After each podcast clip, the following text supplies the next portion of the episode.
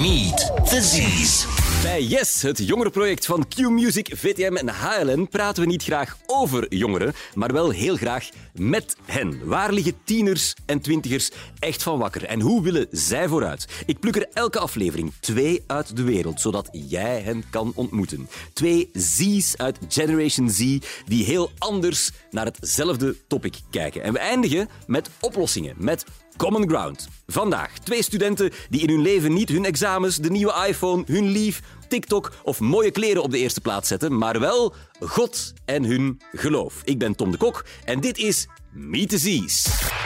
Meet the Z's. Junia Caetano en Mohamed Tehmawi, welkom aan mijn tafel. Dankjewel. Iedereen op zijn gemak? Ja. Ja, ja, ja. ja. Eh, ik heb jullie allebei online gespot. Millennial die ik ben, want het internet heeft geen geheimen voor mij. Junia, jij bent 23. Klopt. Jou heb ik voor het eerst gezien eh, na een tip van iemand op Instagram. eh, waar jij op een heerlijke manier over God praat. Bijvoorbeeld terwijl je je facial routine doet voor de spiegel. Hè, dat Yes. is wat jij doet. Onder- Je bent nog veel meer dan dat, daar horen we zo meteen eh, meer over. En Mohamed, jij bent nu 21. Ja, ja, jou ben ik ooit tegengekomen in een artikel over een iftar in Borgerhout ja, ja. Waar ik heel lang gewoond heb. En ik vond dat je daar heel mooi en verzoenend en vooral heel normaal deed. ja. Over de plaats van je geloof in je leven. Interessant. Dat is mij bijgebleven, ja. Dus ik dacht, die nodigen we uit. Nu, ik ken jullie dus al een klein beetje, maar de luisteraar nog niet. Dus laat ons even kennis maken. Jullie zien dat niet, maar ik zit hier eigenlijk niet alleen. Ik heb ook een sidekick. Het mocht niet veel kosten, dus de sidekick die heet ChatGPT. En ik heb die alles wat ik over jullie weet gefeed en dan gevraagd wat de best mogelijke kennisvragen, kennismakingsvragen zijn ehm, om aan jullie te stellen. Dus dit is wat ChatGPT over jullie wil weten. Junia, ik begin bij jou. Yes. Ik, ik weet niet hoe ChatGPT klinkt, ik doe een kleine impressie. Junia, je bent sinds 10 augustus verloofd. Gefeliciteerd. Kun je ons vertellen over dat bijzondere moment en hoe voelde je je toen je ja zei? Ik wil al wel direct even zeggen, dat is heel seksistisch van ChatGPT, want die gaat ervan uit dat hij het gevraagd heeft en niet jij. Yes. Maar dat klopt wel. Hij heeft het eh, gevraagd. Ah, yes. Ja. Ehm, hoe kan ik die dag beschrijven? Want ik denk er soms terug aan, maar ik denk dat er een paar dingen weg zijn gevallen. Gewoon omdat ik zo excited was om ja te zeggen. Maar dus die dag, ehm, ik had een klein voorgevoel. Puur omdat ik echt een droom heb gehad drie dagen daarvoor. Mee, dat ik mij, alleen mijn verloofde eh, in stad, we waren in stad aan het wandelen. En hij nam mij even apart. En hij was met zijn vrienden. En hij was in die droom tegen zijn vrienden aan het vertellen dat hij mij ten huwelijk ging vragen. Maar die dag dat ik die droom had, zag ik er echt niet uit. Mijn haar was niet gedaan, ik zat midden in de examenperiode, mijn nagels waren super hard uitgegroeid. Dus ik dacht echt van, god, dank u. Maar eigenlijk wel, want ik moest mij klaarmaken. Dus ik heb mij echt in vier dagen klaargemaakt. Mijn haren gefixt, mijn nagels gedaan, make-up gaan kopen. Echt iets uitgezocht om aan te doen, want de dag dat hij het heeft gevraagd, was eigenlijk de dag dat wij vijf jaar samen waren. Dus ik was zo van, mm, misschien gaat het gebeuren, misschien ook niet.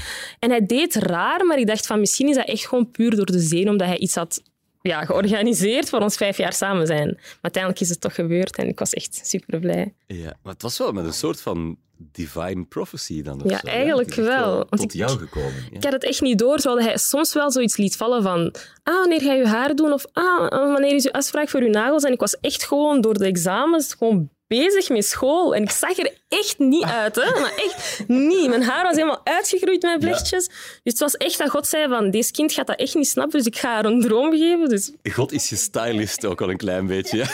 wel, toch Ehm, wel. Ik, ik ga er jou meteen nog eens stellen, die daarop aansluit van ChatGPT. Eh, je, dit is ChatGPT opnieuw speaking. Eh, je hebt ons verteld dat je een diep geworteld geloof hebt en dat God een centrale rol speelt in je leven. Hoe uitzicht dat in je dagelijkse routines en keuzes? Vraagt ChatGPT. Oké, ik zal antwoorden op ChatGPT. Ehm, het eerste dat ik doe eigenlijk als ik wakker word, is meteen wakker worden met een gevoel van dankbaarheid. Want ik ben niet altijd zo gelovig geweest als nu. Ik ging altijd wel naar de kerk en zo, maar het was nooit zo diep of zo Ja. als nu. Dus eh, nu zie ik toch wel wat veranderingen in mijn dagelijkse routine. Terwijl ik vroeger misschien op zou staan en het eerste uur op, gewoon op Instagram zou scrollen of op TikTok zou scrollen, soms moet je dat zo wel wat aanpassen, omdat dat niet echt een gewoonte is. Maar ik, ik sta op en ik denk van nee, eerst dank u zeggen, want het feit dat ik wakker ben geworden, er zijn er velen die niet zijn wakker geworden. Dus ik lees de Bijbel, ik heb een gesprek met God en ik laat de volledige dag eigenlijk in Gods handen. Dus echt vragen dat God mij leidt. En alles dat er gaat gebeuren, dat dat echt gewoon in my favor zal vallen. Een En dat bepaalde is... focus is er in je leven Ja. gekomen die van 's ochtends al eh, begint. Ja. Mohamed, een vraag van ChatGPT. Je hebt een diverse en boeiende achtergrond als student diergeneeskunde en acteur.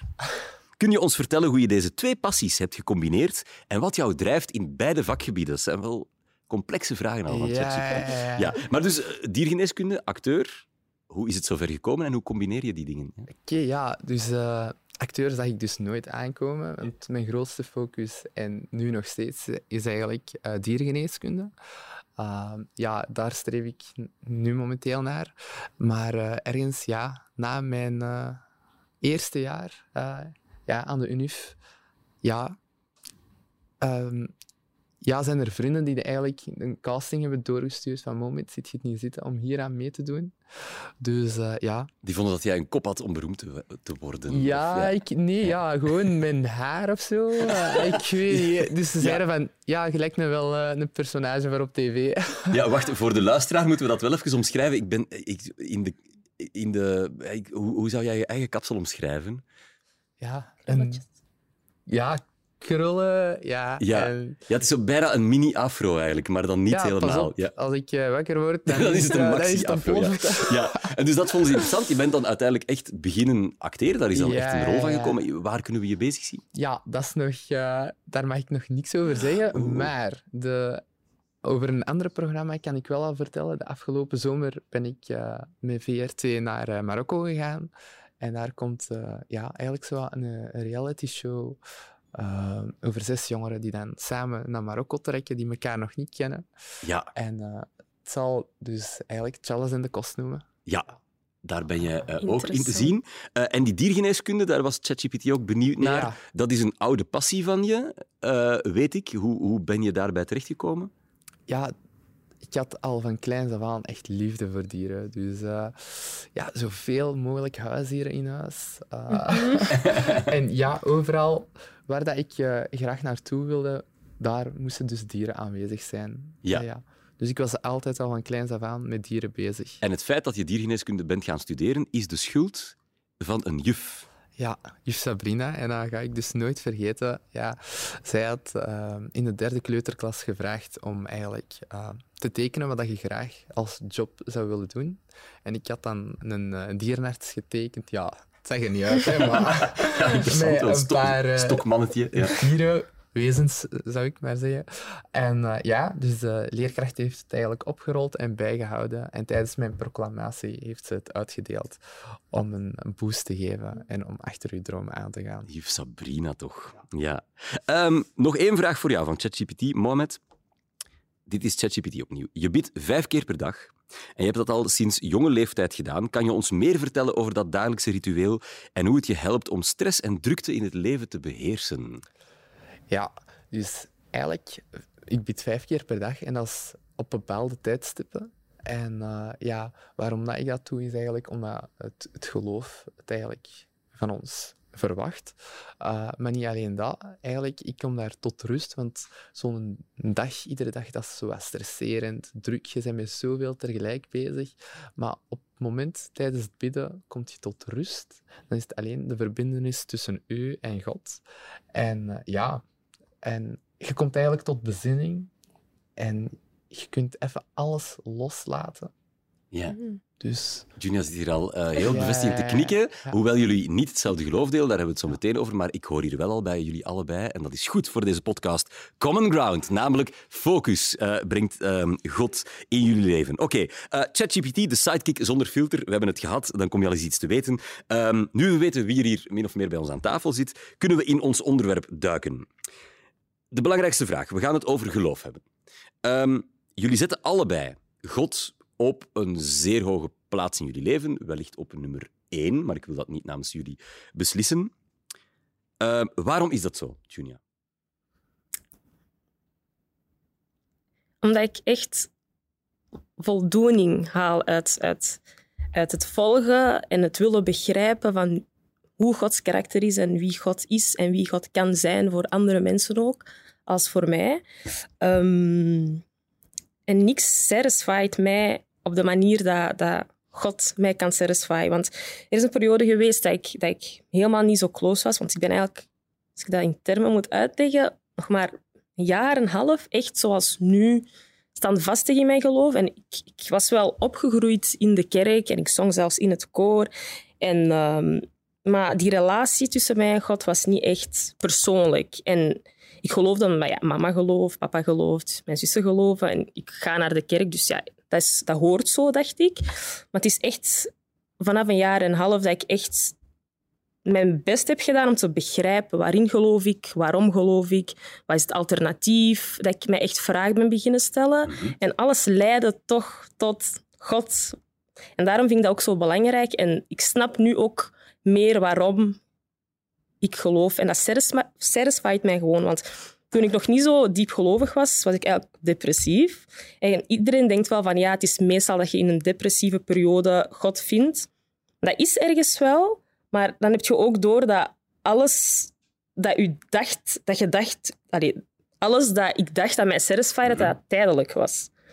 Maar vanaf dat ik echt God op nummer één heb gezet, die satisfaction die blijft. En dat betekent niet dat het altijd goed gaat gaan, hè, want dat is ook wel een misconceptie.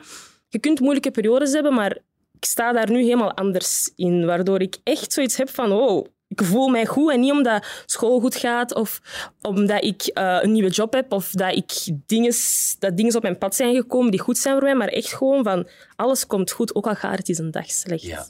Dus dat... Dus God is voor jou ook een soort van mental coach die je, ja, zoals we daarnet ook zeiden, de focus geeft om te zijn wie jij Ja. moet zijn, wil zijn. Ja. Dat is het wel een beetje. Is dat voor jou ook zo, Mona? Ja, dat komt eigenlijk zo ah, op hetzelfde neer. Maar eh, ja, voor mij is God ook zo. ehm, ja. ja, God is gewoon. eh, die, die staat er eigenlijk altijd voor u. En eh, als, als het wat minder gaat, eh, dan kun je er altijd bij terecht. Eh, maar ja, je ook op eh, dagen wa- wanneer het ja, vol vreugde is en zo, en wanneer ja, dat je gelukkig bent, dan denk je ook meteen aan God eh, Mhm. om te bedanken Mhm. voor, voor deze schone momenten. Ja, het is een connectie die er altijd is. Het is een soort reason why, Ja. een drijfveer voor jullie. Eh, maar jullie geloven niet in dezelfde God. Ofwel, Mohamed, jij bent moslim. Ja. En Junia, jij bent christen. Christenen. Ja. Eh, dus denken jullie dat dat dan dezelfde God is waar jullie in geloven, of niet? Ik geloof dat wel, ja. Wij noemen het Allah, maar Allah betekent God. En eh, ja, zij eh, geloven, dus de christenen... Want ik heb altijd op een, een... Ik ben opgegroeid op een katholieke school. In de lager, als in het secundair. En eh, ja, we hebben... Wacht, in het lagere school moesten we blokfluiten in de voormiddag. Moesten we naar de kerk gaan. Eh, dus heel... En dat deed jij mee. Als het enige moslimjongetje van de klas deed jij dat allemaal mee. ik ging wel mee naar de kerk. Het blokfluiten deed ik mee. Uh, als we naar de kerk gingen, bleef ik wel zitten. En Ja. ik dacht dat ze een snoepje van voor kregen of zo. Natuurlijk. Ja, was dat was niet, dus niet. Ja. Uh, Ja. Nee, maar ook zo voor het eten moesten we gewoon achter onze stoel staan. En dan zeg je dat, gebed in de naam van de vader. Nee, maar ja, ik deed dat dan niet mee, maar ik stond wel uit respect achter een stoel Ja. en zo. En dan in het middelbaar, in het eerste middelbaar, in mijn boekenpakket kreeg ik een Bijbel. Dus, en die heb ik nog steeds thuis. Je hebt de. Bijbel thuis staan. Ja, ja. Heb jij een Koran thuis? Nee, Nee. dat heb ik niet. Nee. Hoe kijk jij daarnaar? Is jouw God de, de enige echte ware God? En is dat dan dezelfde als die Mohammed aanbiedt? Vroeger dacht ik ook dat, dat God God was en dat er misschien verschillende wegen waren naar God. Maar hoe meer ik mij ben beginnen verdiepen, heb ik eigenlijk door dat er wel fundamentele verschillen zijn, waardoor het eh, moeilijk is wat- om te zeggen dat het dezelfde God is. Want als bijvoorbeeld Boeddha ehm, Jezus tegenspreekt en Jezus spreekt Mohammed tegen, dan Ja. zie je wel dat er bepaalde fundamentele verschillen zijn, waardoor ik niet kan zeggen dat dat dezelfde God is. Tuurlijk, er zijn wel overeenkomsten, als in wij, wij bieden allebei, en, maar ik kan niet zeggen dat, dat, de God van de Bijbel dezelfde God is als de God van de Koran. Wij moeten in de islam geloven in de vijf boeken en, en, Ja. en daaronder valt de Bijbel. Dus de, de islam is, een van, ja, is de jongste geloof. Eh, dus je kunt het zien als broers van elkaar. De Joden, dat is de grootste geloof. Mhm. En daaronder komt de jongere broer, dat, dat zijn de christenen. En daaronder de jongste broer, eh, ja, dat is, Ja. Dat, is, dat is de islam. Ja. Ja, ja. Dus uiteindelijk gelooft je allemaal, ja, volgens mijn mening, Ja. in, in dezelfde God. En, ja, om de, en wij moeten nog steeds geloven in de vijf boeken. Ja, dat is dat waar. de Bijbel, de Torah, Ja. de Koran. Want de, ja. de Tenach, dus voor de Joden, de Bijbel, het Oude Testament en de Koran hebben de vijf eh, boeken van Mozes. Dus vanaf Genesis tot. ehm, ik weet niet meer juist tot waar, maar er zijn echt wel. We hebben wel basis. Dezelfde verhalen Ja, bijvoorbeeld. Of Mozes, Inderdaad. Abraham, Isaac. figuren zijn er inderdaad Ja. ook in die... In die Tuurlijk, eh, ja. Dus die drie ja. boeken zijn wel.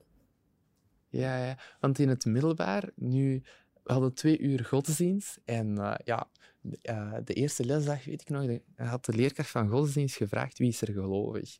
En ik steek spontaan mijn hand op, maar niemand... eh, ja, dus heel de klas van de 25 leerlingen was ongelovig. Ja. Eh, wat dat zij dan, mijn, ja, mijn maten, mijn vrienden, wat dat zij dan deden, was oftewel voor de, de les nadien studeren, voor een test dat ze nog niet hadden ingestudeerd, oftewel Ja.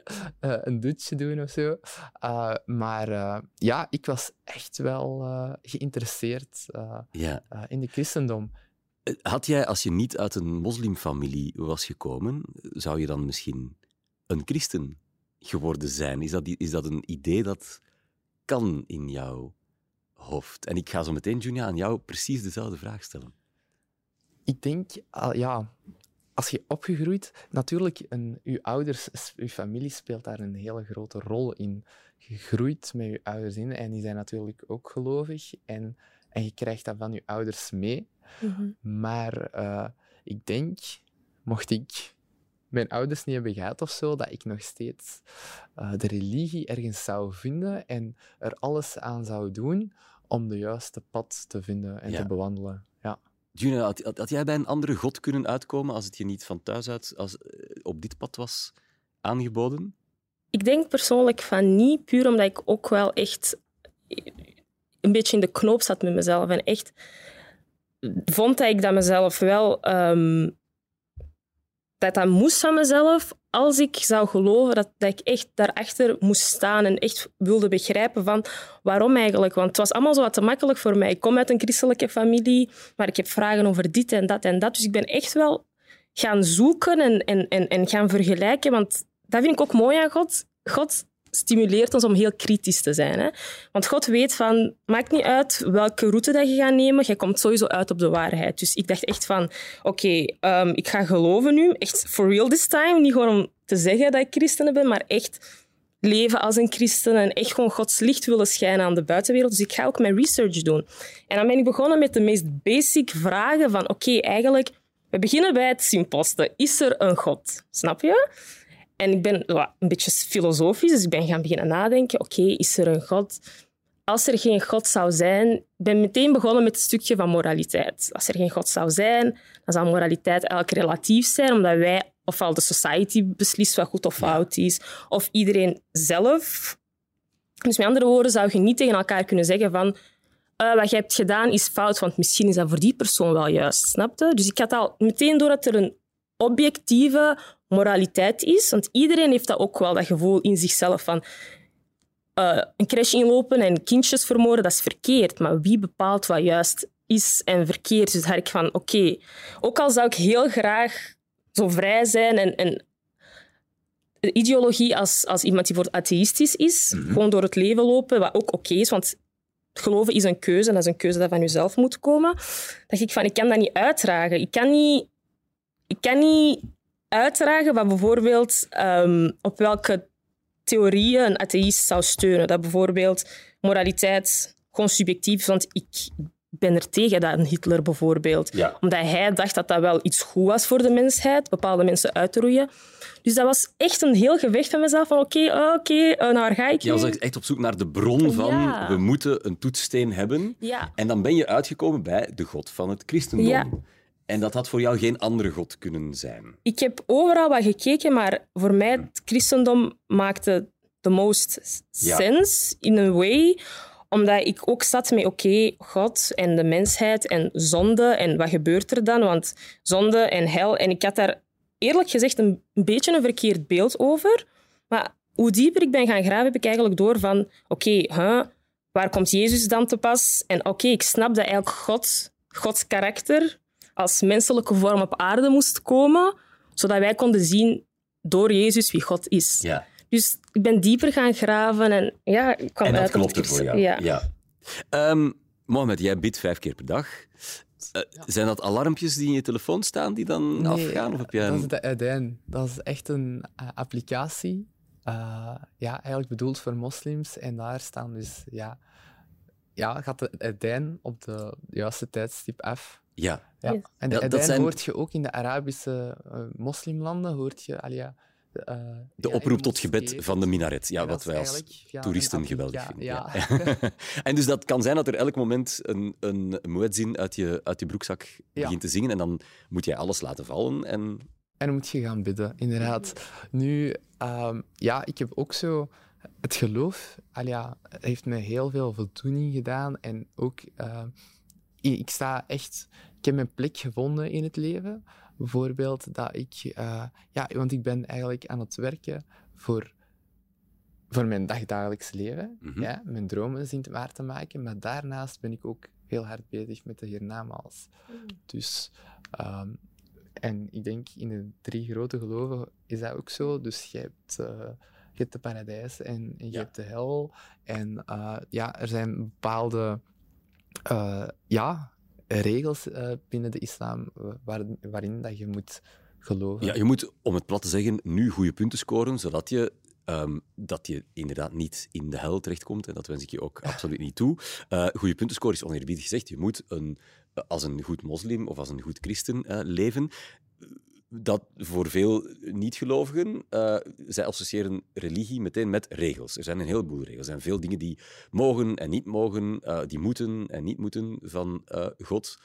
Hebben jullie het gevoel dat jullie leven heel erg geregeld wordt? Zijn er, zijn er dingen, Junia, die jij niet mag van jouw godsdienst? Mm, ja, zoals ehm, dingen in de tien geboden als niet stelen, ga niet vreemd, zo van die dingen. Maar vroeger zag ik dat ook echt als van, oh, dat zijn allemaal regels en oh, waarom moet ik mij daaraan houden? Maar omdat ik nu begrijp dat God liefde is, maken die regels ook sens. Ja. God heeft ons allemaal gecreëerd met eh, value en purpose. En dus stelen van iemand betekent dat je dat schendt. Ja, Dus- dat zijn dingen waar, waar nagenoeg iedereen zich in kan Ja. vinden, maar godsdienst gaat vaak nog een stap verder. Ah ja, ja. ja, Godsdienst, godsdienst heeft heel sterke ideeën, georganiseerde godsdienst, Mhm. heel sterke ideeën over ehm, abortus, euthanasie, Mhm. Over het feit dat ik een man ben die getrouwd is met een andere man en een kind geadopteerd heeft. Ja. Ehm, hoe kijk je daarna, naar die beperkingen die religie eigenlijk per definitie met zich meebrengt? Mm, heel, ja, om te zeggen niet heel simpel, maar... Dus bijvoorbeeld, eh, ik zal beginnen met abortus. Eh, ik geloof dat iedereen is gecreëerd in the image of God. Dat iedereen purpose heeft en iedereen value heeft. En dat wij als mens niet kunnen beslissen voor iemand anders van ah ja, die is meer waardig dan die persoon. Of ah nee, die is minder waardig. Ik, ik, ik geloof echt sterk, en dat is ook wat God zegt in de Bijbel, dat, dat God iedereen heeft gecreëerd naar zijn evenbeeld. Dus als we dan praten over abortus, ik, ik vind niet dat, dat een society... En ik ben hier heel blunt in, omdat ik echt gewoon iemand Mhm. Ben die gewoon recht voor de Graag. raap is. Ehm, ik vind niet dat wij als een society mogen beslissen wanneer een leven valuable is of niet. Want uiteindelijk, ik geloof dat God ons allemaal heeft gecreëerd met purpose en value. En ehm, ook al is dat een cel, een klomp cellen, dat gaat uitgroeien tot een iemand. Dat gaat uitgroeien tot iemand met dromen, iemand met, met, met, met, een visie. En dat kan soms heel erg chockerend klinken voor de wereld, maar ik heb zo wel geleerd om soms mijn emoties af te zetten en zo rationeel, beetje rationeel na te denken. En De filosoof in jou, je hebt het snap aangekondigd. Ja. je? dus eigenlijk, ik vind dat verkeerd. Om, om, om, ook omdat wij gewoon Ook denken... als er, als er misschien iets mis is met het kindje in kwestie, als het een heel erg eh, stom leven tegemoet zou gaan, om het zacht uit te drukken. Of als er iets heel ergs aan de hand is met de moeder, als die ziek is, misbruikt, verkracht. Als er Ja, dat komt ook heel vaak die, naar boven. al die, al die Ja. redenen waarom mensen echt wel op dagelijkse... Ja. Niet iedereen die een abortus pleegt, doet- heeft gewoon voor zijn plezier even seks gehad. Nee, dat snap ik wel. Dat snap ik sowieso. Maar dat is nog steeds in mijn ogen zelf beslissen dat uw kind het waardig is to live. Ja. Sorry dat ik soms wat Engels gebruik, maar...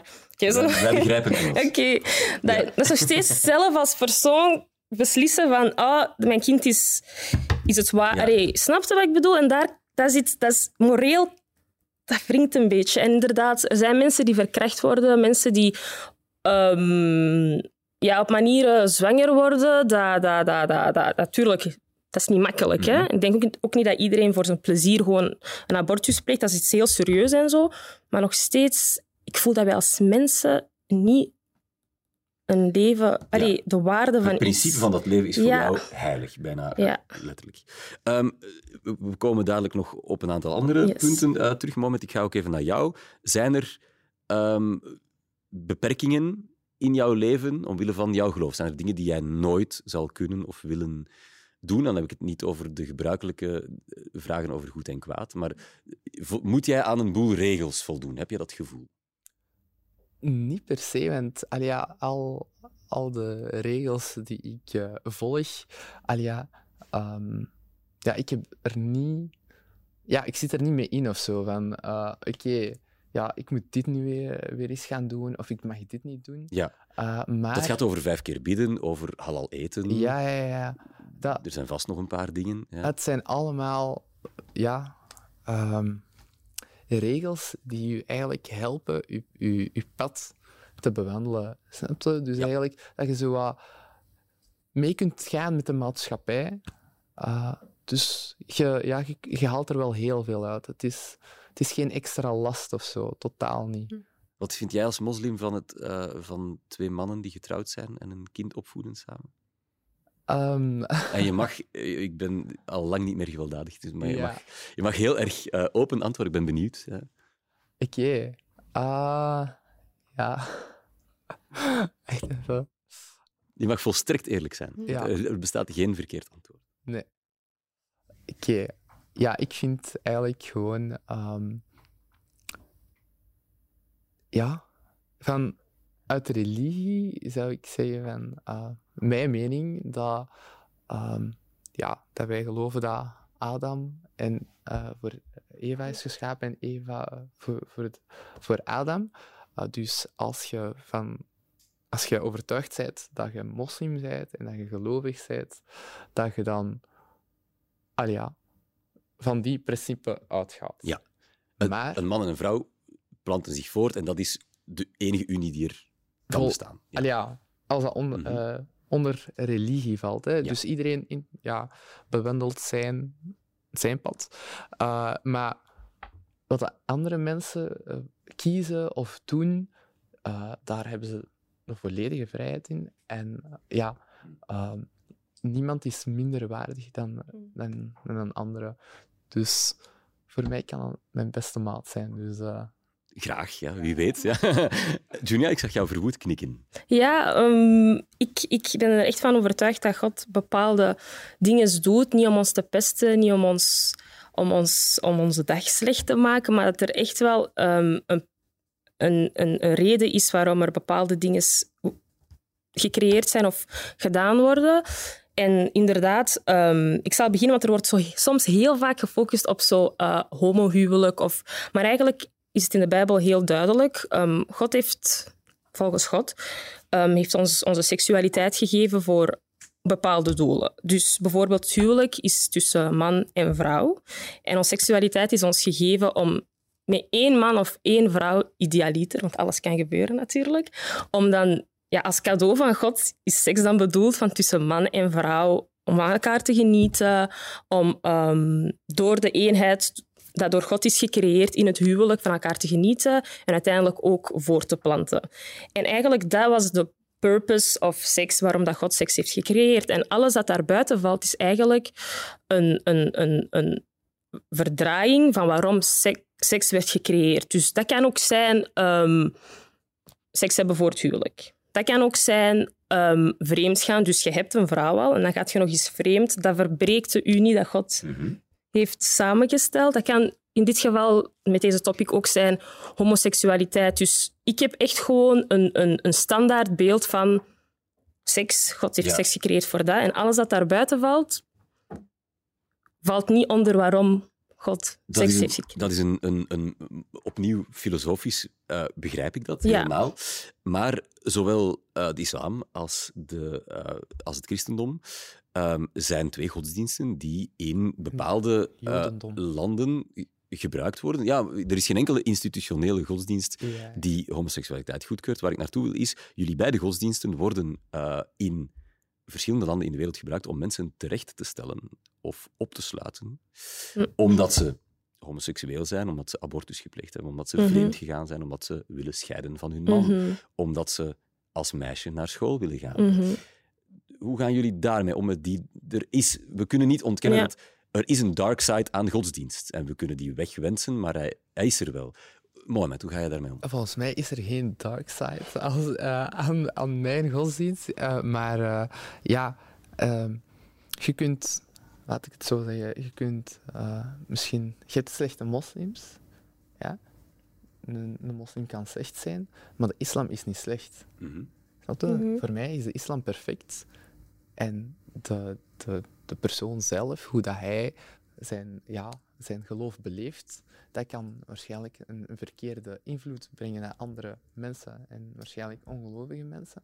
Dus wat, eh, wat bepaalde mensen doen, ah ja, dat, dat Ja. heeft natuurlijk... eh, Maar dus als, i- als in Iran aan de lopende band eh, jonge homo's opgehangen worden uit naam van de islam, zeg jij dat is niet islam. Dat zijn mensen die misbruik maken van mijn godsdienst. Ja, daar, eh, ah ja. Ja. Dus daar sta ik volledig achter, want eh, Ja. de, de islam is genadeloos. En, eh, dus, en dat betekent, hij, ah ja, sorry, als ik dit gewoon opnieuw mag zeggen. absoluut. Uh, ja, de islam is alles buiten geweld. En, want, en, en daar is ook ehm, een. Sorry als ik het verkeerd zeg of zo, maar uh, de, de profeet Mohammed wasallam heeft gezegd van. Uh, als, er, als je één of één van je broers, sorry, één van je broeders of zusters vermo uh, allee, ja, als er iemand een moord pleegt, dan als je één iemand ver- vermoordt, dan lijkt het alsof dat je de hele bevolking hebt vermoord. Ja. Dus Maar de- toch gebeurt het. Want eh, de- de- Mhm, ook, mhm. ook de Bijbel heeft vast passages die, die tegen geweld prediken. Mhm. Maar toch gebeurt het permanent. Godsdienst wordt voortdurend, ook het christendom, er zijn uit naam van het christendom de grootste gruwelijkheden gebeurd. Uiteraard heeft het christendom ook veel moois voortgebracht. En toch kies jij als jonge vrouw, Yes. zelfbewust, toch ga ik in dat geloof staan, Julie. Ja, tuurlijk. Ja. Omdat ik... Ik ga altijd naar de bron. Dat is wat ik op het begin heb gezegd.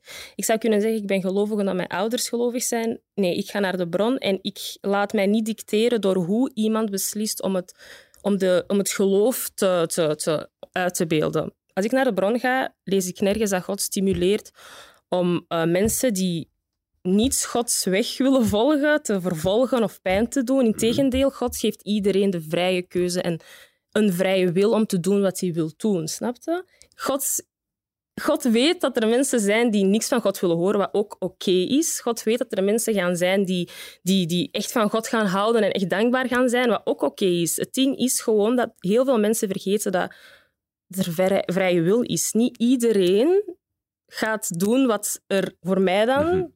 De waarheid is en wat er in de Bijbel staat. En tuurlijk, daarom zeg ik ook, ik kan daar niet achter staan dat mensen worden vervolgd door de keuze die ze zelf maken, terwijl dat God duidelijk heeft gezegd, iedereen heeft vrije keuze. Als je van God wilt houden, moet dat uit je hart komen, waardoor het vrijwillig is. Dus ik kan daar ook niet achter staan dat, dat het gebeurt. Wat wel jammer is, want dat geeft weer een vertekend beeld van de bron, de Bijbel. Wat zegt Jezus? Dat is eigenlijk een beeld van hoe kiezen mensen om te gaan met hun emotie. Ja. Snap je? Absoluut, ik snap het, ik snap het helemaal. Ja.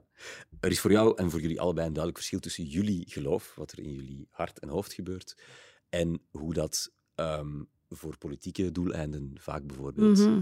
gebruikt en ingezet wordt. Daar eh, nemen jullie afstand van. Ja, maar ook zo, eh, in elk land zijn er bepaalde eh, regels waar, waar dan mensen zich daaraan houden. Dus ik kan ergens begrijpen dat als je ja, naar daar gaat en, en je stelt dan iets helemaal totaal iets anders voor, dat je dan eh, ah ja, wat tegenwerkingen gaat krijgen, omdat, ja, omdat ze dat daar gewoon in die gemeenschap gewoon zijn. Ja. Uh, maar ja, natuurlijk. ehm, geweld is. Ja, voilà. Er is voor jou ook een heel duidelijke grens aan.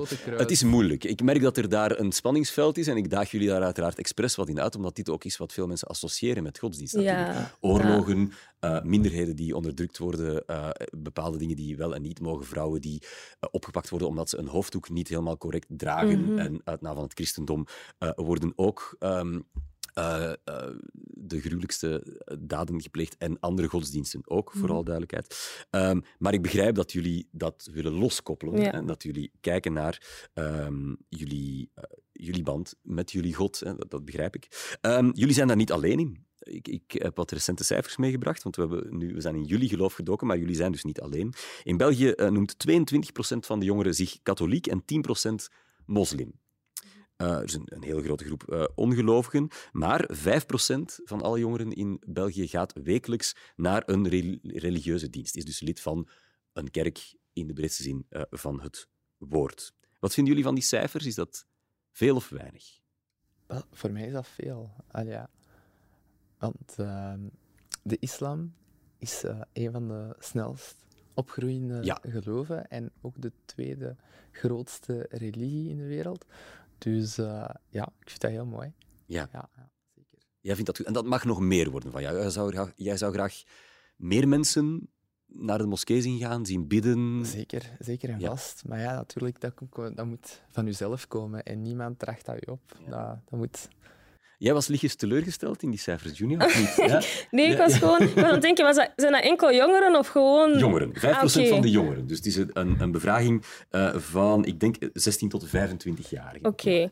Mm, ja, dat is toch wel aan de, aan, de, aan de mindere kant, maar iets is ook iets. Dus in de zin van... Maar 5% die nog elke week naar een religieuze dienst Ah, ja, echt voilà. actief naar een kerk, een moskee, een synagoge gaan. Ja, dat is, dat is eigenlijk wel, zeker als jongeren zijnde, dat is niet niks inderdaad. Ja. Ja. Want dan komen we bij inderdaad de vraag, hoe kijken jullie leeftijdsgenoten naar jullie geloof? Zijn jullie omringd met allemaal mensen die daar hetzelfde naar kijken als jullie? Of zoek je dat niet zo bewust op? Junia, jij, jij schudt meteen je hoofd. Ja, nee, want ik heb heel lang ja, ook gedanst en heel lang eh, eh, echt, ehm, zeg je dat, gewoon heel veel mensen in contact geweest die echt ook een verschillende visie hadden over verschillende dingen. En het is pas echt recent, dus ja, een jaar en een half, dat is nog niet zo heel lang, dat ik echt zo voor mezelf zo echt research ben aan het doen en echt de beslissing en de stap heb genomen om, om echt praktiserend Mhm. te, te zeggen van ik geloof en echt eh, eh, mijn best te doen om die relatie te ver- verbeteren. Dus tuurlijk heb je altijd mensen rondom je die je kent van voordat je deze verandering is gekomen, snapte? En Ja. je verwacht ook niet dat iedereen mee met u verandert of zo, snapte? Maar je hebt niet al die ongelovige vrienden buiten Nee. Dat is... Nee. dat- er zijn helaas mensen die dat doen, die daar heel extreem Ja. in zijn. hè. Dat heb jij niet gedaan. Nee, maar, maar ik ben wel echt iemand, en dat vind ik ergens ook wel goed aan mijn persoonlijkheid. Ehm, ik weet dat er verschillende visies zijn op alles en dat iedereen zijn eigen ding doet, maar ik ben ook wel iemand, als ik achter iets sta, dat ik daar ook echt vocaal bij ben. Dus het is ook niet dat... Als die bijvoorbeeld naar mij komen, weet ze bijvoorbeeld dat ze niet meer moeten vragen van ah, komt jij feesten? Want ze weten dat ik zeg van nee, dat doe ik niet. Dus ik ben wel blij dat ik ergens standvastig ben, Mhm. maar het maakt, niet- maakt niet altijd makkelijk, want jong, je bent jong, je, je- de wereld trekt je langs alle kanten, maar ik heb momenteel zo echt een andere focus. Ja. Van. Mohamed, heb jij veel vrienden die je een pintje aanbieden eh, op Ja. een festival? Of, of niet? Nee. Vrienden die ik net... eh, ja, als ik net nieuwe vrienden heb, dan bieden ze zo een pintje aan. Ja. Of, eh, En jij zegt altijd nee. Nee, inderdaad. Ja. Maar eh, ja, ik ben dus eigenlijk altijd opgegroeid, als in het lager, als in het secundair, op een katholieke school. Eh, ja, ik was de enige gelovige, maar eh, ja, ik, eh, dat- zoals dat ik er straks zei, eh, het interesseerde mij om de christendom beter te kennen en de Ja. vergelijkenissen tussen de Koran en de Bijbel. eh, ah ja, dat viel me heel hard op wanneer de leerkracht aan het praten was.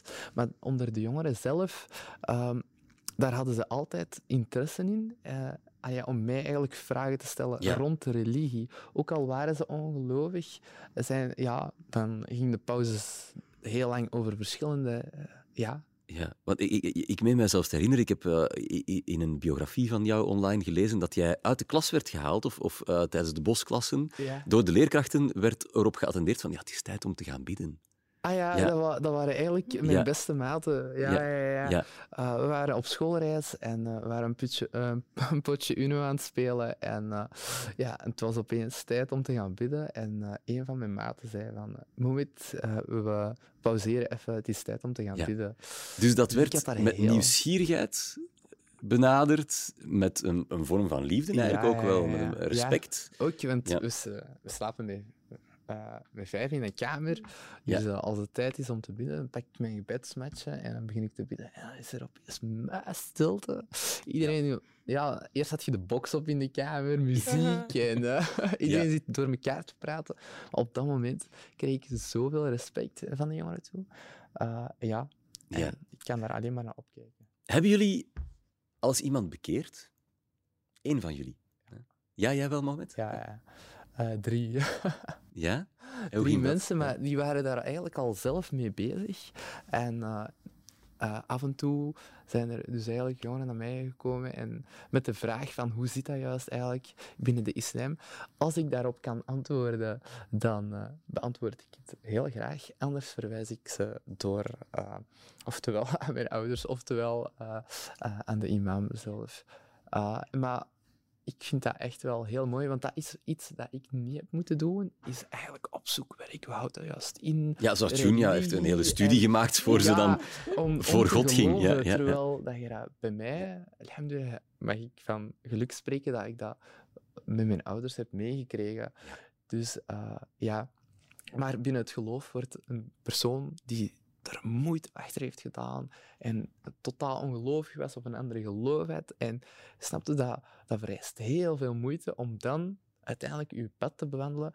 Ja, dat wordt echt wel gezien als... eh, ja, een, een, eh, een bewonderenswaardige ja, sowieso. Ja, ja, ja. Junia, jij, bent, ja, jij, bent, jij, jij doet eigenlijk modern missionarisch werk op, op Instagram. Hè? Want ik, ik zei daar straks al van, je, je preacht dan echt tijdens je, terwijl je nieuwe kleren staat te show, bij manier van spreken. Of, of je klaarmaakt. Hè? Ehm, eh, dus jij, jij kiest wel heel duidelijk om dat geloof ook uit te dragen. Wat, hoe zijn de reacties die je dan terugkrijgt? Zijn er echt mensen die dan zeggen, ah ja, als jij het zegt, dan doe ik het ook.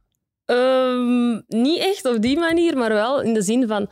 Oh, zij is ook jong en eh, zij, heeft, zij, zit, ja, zij, zij leeft dus ook op de wereld. Er zijn ook allerlei dingen waar ze uit kan kiezen en toch kiest ze om publiekelijk voor God te gaan. Oh, dat motiveert mij wel. Mhm. En dat vind ik wel heel erg leuk, want allee, ik heb zo het gevoel dat mensen tegenwoordig zo een beetje beschaamd zijn om gelovig te zijn, omdat dat zo'n beetje wordt gebanaliseerd van ah, amai, dat is echt ouderwets. Of ah, mm, je bent allee, zo vroeg verloofd, oh, dat is echt oud. Snap je wat ik bedoel? Maar Mhm. ik vind dat echt leuk om zoiets... Om echt gewoon Gods licht te schijnen en te laten zien van dat is oké. Als jij kiest om gelovig te zijn, mocht je dat met trots doen. Snap je? Mhm. Dus dat vind ik heel erg leuk. Maar het is niet dat mensen echt zo zeggen van omdat jij het bent, dat... Nee, maar je, je timmert wel mee aan een, Ja. aan een universum waarin dat, eh, waarin dat bespreekbaarder Klopt, klopt. wordt. Eh, hoe zien jullie dat evolueren bij jongeren? Ik nam net die cijfers erbij. Eh, die zijn min of meer eh, stagneren die, maar er zijn wel tekenen. Bijvoorbeeld in Nederland eh, was er deze week nog in het nieuws dat er steeds meer jonge mensen naar de moskee trekken. En Ja. wellicht kan je ook wel jongeren vinden die elk jaar krijgen we opnieuw die verbaasde journalisten die anderhalf miljoen jongeren op de wereld jongerendagen naar de paus zien trekken. Ehm, is geloof met uitsterven bedreigd? Ja of nee? Nee, Nee.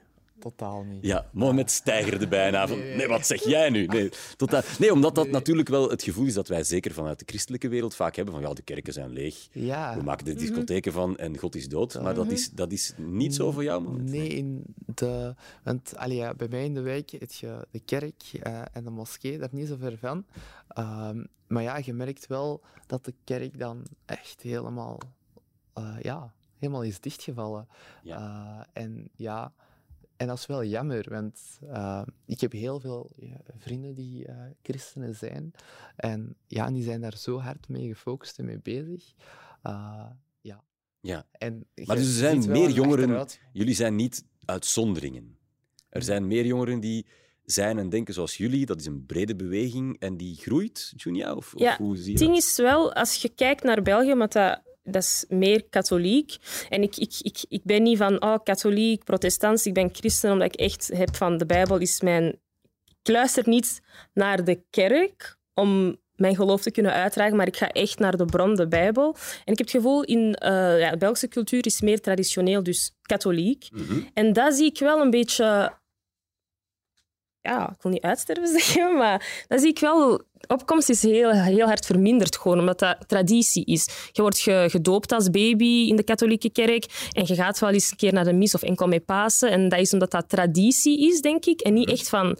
Cultuur meer, Ja. en niet echte godsdienst. Voilà. Jij, jij, je, je, klopt, je Ja. raakt heel vaak je hart aan. Voilà. En dat, voor mensen die aan het luisteren zijn, die zien dat natuurlijk Ja. niet. Voor jou zit het hier. Het hoeft daarom, jij hoeft het ook niet per se in een kerk te gaan beleven.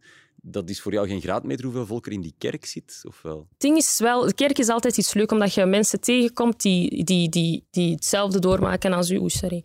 Hetzelfde doormaken als u. eh, mensen waar je gewoon mee kunt, kunt banden, omdat jullie hetzelfde geloof hebben. Ehm, maar de kerk is niet alles, want uw relatie met God is in uw hart en in wat jij dagelijks doet. Het is niet enkel één keer in de week op, op zondag en dan de rest van de week. Dat is iets waar je dagelijks mee werkt. Maar ik zie wel in Amerika bijvoorbeeld dat er wel daar ineens wel heel veel jongeren zijn die ineens terug de draad oppikken. Dus dat is meer, denk ik, een beetje cultureel. En hoor ik jou ook zeggen, want dat is wat ik dan zie op jouw Instagram, ik heb geen priester nodig, geen bisschop, geen paus die mij zegt hoe ik moet geloven. Ik doe dit zelf. Is dat misschien een moderne vorm van geloof waar meer jongeren voor zullen tekenen dan in die kerk gaan zitten op zondagochtend? Ik denk het wel, want ja, ik, hier ben ik weer met mijn de bron. Maar Ja, in de Bijbel, hoe zeg je dat? The veil has been torn. Dus vroeger bijvoorbeeld, ook in het Oude Testament, dus wat de Tenach in het Jodendom, het Christendom en ehm, de Koran gemeen hebben, dat er profeten waren. Bijvoorbeeld een, eh, een Mozes, een Abraham. Dat waren mensen die, die God gebruikte om tot het volk te spreken. Maar met de komst van Jezus Christus is dat... En ook in de tempel mochten normale mensen, als jij en ik, gewoon niet in het heiligste deel van de tempel dat komen. voorbehouden aan de priester. Voilà. Ja. Maar de torn has been, the veil has been torn, dus die scheiding tussen God en de mensheid, dus dat God echt één iemand specifiek, dat is gescheurd geweest Ja. door de komst van de God. lijn. Voilà. Dus het is niet om te zeggen dat je nooit moet luisteren naar je priester, want mensen worden wel geroepen om priester te worden, Mhm. maar dat mag niet u, de ver- dat mag God niet verplaatsen, zeg maar. Ja. Snap je? Ik heb, het gevoel, ik heb het gevoel dat we hier heel lang nog Ja. over zouden kunnen doorgaan. Ik heb ook het gevoel dat we dit gesprek te weinig hebben. Eh, we moeten stilaan Ja. afronden. Maar ik denk wel dat jullie hier een aantal eh, gesprekken geopend hebben, eh, waar mensen die hier naar luisteren misschien nog ehm, veel verder in zullen willen gaan. Wat ik niet wil doen, is hier eindigen als een aflevering van een of ander volwassen politiek praatprogramma, waarbij we dan zo awkward uit elkaar gaan van ja, dit was het dan. Ik zou graag willen weten wat jullie hiervan gaan onthouden, van dit gesprek. Om te beginnen van elkaar. Mohamed, heb jij Junia iets horen zeggen dat jou dat jou geraakt heeft? Dat jou, dat jou ehm, misschien een ander licht op iets heeft geworpen? Ja, dat wel eigenlijk. Hoe dat je eigenlijk met ja, je, eh, je volgers omgaat. Dus dat je, ja, wat dat je in het dagdagelijkse leven doet, eh, je geloof op een hele mooie manier overbrengt aan je volgers. Dat is echt wel eh, mooi. Ja. Dankjewel. En Junia, heb jij een moment iets horen zeggen waar je van denkt van dat ga ik meenemen, dat ga ik onthouden? Ik vind het wel heel mooi dat je ook op een katholieke school bent geweest en dat je ook, ik zie echt dat je zo open staat ook om dat het u niet stoort om verschillende mm, visies mee te krijgen of, of, of, of te horen. En dat vind ik altijd heel leuk, dat mensen gewoon, ook al hebben een verschillend geloof, dat er respect is en dat er gewoon dat iedereen open staat om te horen. Ja, En dat vind ik echt heel mooi. dank je. Ik heb hier ondertussen een Word-document opengezet, want zo oldschool ben ik dan wel, eh, op mijn laptop. Want wat ik eigenlijk ook heel graag wil doen, is eh, jullie niet laten vertrekken voor jullie mij zeggen wat ik in het eh, Meet Disease pact mag schrijven over wat we hier vandaag eh, hebben besproken. Een, ik wil echt zwart op wit van deze podcastreeks een, een, ehm, een soort afdruk hebben van wat we besproken hebben, de common ground die we samen gevonden hebben. En ik beloof dat ik er dan, als die klaar is, alles aan zal doen om eh, the word te spreaden, om te gaan preachen, zoals jij dat ook doet op eh, Instagram, Junia. Eh, wat willen jullie dat mensen onthouden van dit gesprek? Junia, jij eerst. En ik type het gewoon letterlijk. Ehm, Ja. Ja, ik wil eigenlijk dat mensen onthouden dat het ehm, oké is om te geloven en daarvoor uit te komen. En dat het oké is om standvastig te zijn, om ja, te geloven wat je gelooft. Ook al is het soms moeilijk om dat naar buiten te brengen, zoals ja, controversiële eh, topics, zoals abortus. Als je een mening hebt, dan vind ik, ook al is dat helemaal tegenstrijdig met die van mij, je mocht dat zeggen, dat is oké, dat is is goed, want dan leren we van elkaar, we horen. Dus het is echt oké om je geloof naar buiten te brengen. Willen die. Horen, het is echt oké om je geloof naar buiten te brengen. Punt. Mohamed, en jij? Dus eh, dat je met 100% achter je, je religie kunt staan, zelfverzekerd. Eh, wat andere mensen ook denken, wees jezelf. Ehm, en ja, ik denk ook als je verbindenis goed is met God, dat je dan ook gaat je, je dat uitshinen, laat ik het zo zeggen, naar andere mensen. En dat is waarschijnlijk ook de reden waarom mensen dan eh, van mij, langs mijn kant zijn bekeerd. Gewoon omdat ze zien van oké, je bent zachtaardig, ehm, je praat op een ja, ge- ge- rustgevende manier, eh, je, biedt ons een luisterende oor aan. Eh, maar ja, van waar komt dat allemaal? En als je de bron gaat zoeken, dan komt het toch wel uit mijn religie. Dus ja, wees een model. Laat ik je een voorbeeld voor, voor, voor andere mensen. Een voorbeeld voor andere mensen. Ik moet duidelijk sneller leren typen. Eh Mohamed en Junia, mag ik jullie ongelooflijk bedanken om dit gesprek met mij te willen hebben, maar ook vooral met elkaar. Eh, ik heb genoteerd wat jullie gezegd hebben en dat komt allemaal in het eh, pact terecht dat ik aan zoveel mogelijk belangrijke mensen ga bezorgen, omdat die stem gehoord moet worden. En voor nu, eh, merci om dit met ons te delen. Ik wens jullie. Vooral heel veel van de vrede en vreugde toe die jullie hier hebben uitgestraald aan tafel. Dank je. Meer van dat. En jij een heel fijn trouwfeest. Dank eh, u. binnenkort, Junia. Dank je. Eh, en jij, bedankt om te kijken of om te luisteren. Er zijn nog veel meer afleveringen in deze reeks vol boeiende ontmoetingen met Generation Z. Eh, rate ons, beveel ons aan en vind ons op alle platformen op yesofficial.be. Dit was Meet the Z's. Tot volgende keer. Meet the Z's.